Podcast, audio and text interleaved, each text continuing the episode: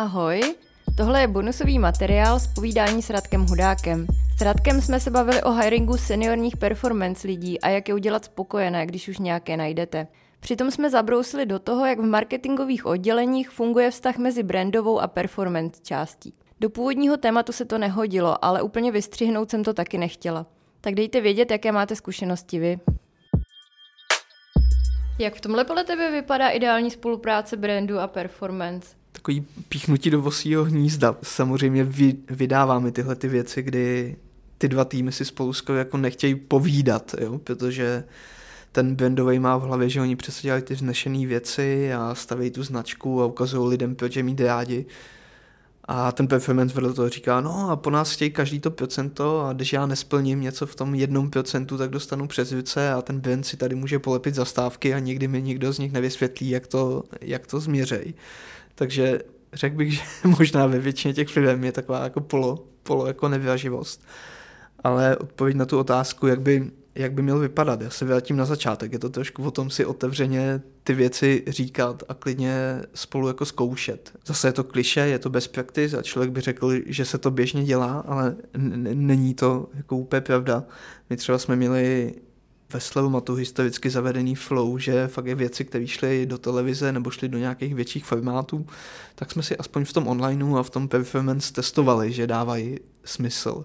Jo, takže já si myslím, že je to hodně o tom nastavit si tyhle ty základní best practice a říkat si, OK, tak když budeme chtít uh, ženu nebo muže na ten banner, na ten polep celý Prahy na billboardech, tak si to pojďme klidně zkusit v tom onlineu. Jo? A to si myslím, že může i vlastně jako zblížit ty týmy.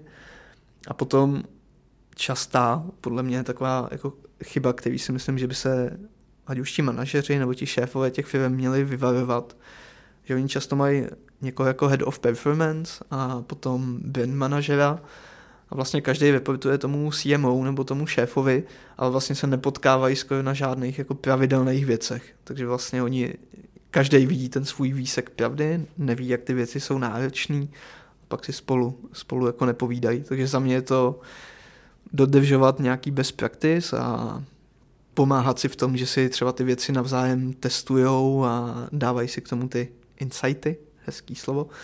A druhá věc je, že si povídají na jednom místě ideálně s tím šéfem nebo šéfem toho šéfa a mají ten prostor, kdy si říct, na čem kdo pracuje, jak je to těžký. Ty jsi moc hezky dal příklad, jak může performance pomoct brandu, ale jak může brand dobře pomáhat performance?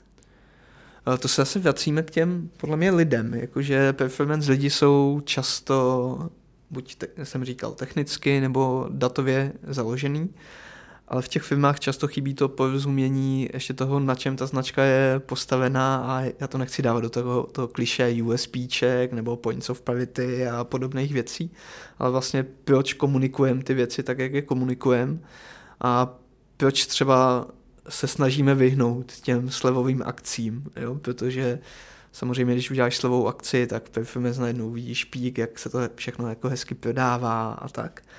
Důležitý je aby vlastně pro mě ten performance tým dostal ty guidelines, jako proč jsme tu značku vymysleli takhle, kde je ta naše cílovka, proč se k těm lidem chceme chovat, tak jak se k ním chováme. A samozřejmě nikoho nikdy podle mě neurazili rozumně udělaný průzkumy v tom, jakože proč ty věci tak jsou a jestli tomu skutečně ti lidi věří. Podle mě to o tom jako nazdílení, proč jsme si ty věci vymysleli, proč si myslíme, že ta růžová má být v odstínu XYZ, a proč nechcem používat jinou. Jaký je tvůj názor na takové to taky klasické dělení performance versus brand kampaní a teď myslím v těch performance kanálech. Jestli jsi to někde viděl, že to fungovalo dobře, kooperativně a že se to vzájemně pomáhalo a jak to případně vypadalo?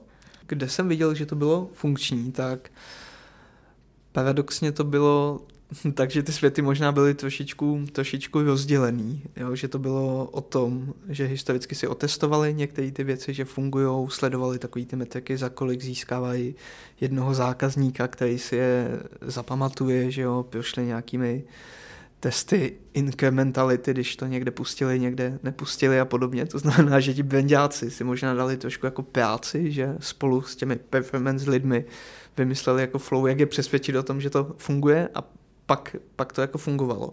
Ale možná z dvě strany. On spíš ten problém často bývá, že se říká, že to je brand v kampaních, nebo brand v performance kampaních, abych byl přesnej. A potom se tomu dá performance KPIčko. Jo, že já jsem tisíckrát podle mě viděl to, že tak začneme dělat YouTube, o tom jsem vlastně před chvílí mluvil, ale dám tomu KPIčko, že z toho najednou budu teď hned vlastně prodávat a nastavím si tu atribuci o tom, že ten člověk po tom, co viděl to video, něco koupí. A vedle toho právě běží ta telka, která tak úplně vlastně nefunguje. Jo? Takže první krok je podle mě to sjednocení těch KPIček a toho, že když dělám brandové věci a mám, já nevím, televizi a tam mám, že jo, všechny ty hezké metriky jako GIPy, trpy, který popisují nějaký zásah, tak vlastně to samý chci od těch brandových kanálů v onlineu. Možná to tolik nefunguje v těch jako malých firmách, ale funguje to v těch velkých. Já DAčko. Ale viděl jsem kampaně velkého prodejce hraček a oni globálně přešli na to, že vlastně tyhle ty metriky si přepočítávali mezi sebou, takže jim bylo jedno, jestli kupují televizi nebo kupují YouTube, ale měli vytipovanou cílovku a k tomu se dívali, kolik je stojí v vozovkách jedna jednotka nějakého zásahu. A když dojdeš k tomuhle, tak to podle mě sjednotí ty světy a ty neděláš ty chyby v tom, že chceš od kanálu, který k tomu není určený, něco, k čemu není vlastně vhodný. Tohle byl bonusový materiál z cinkátka o hiringu performance lidí, kde byl mým hostem Radek Hudák. Tak si nezapomeňte poslechnout celou epizodu, je plná praktických typů a postřehů.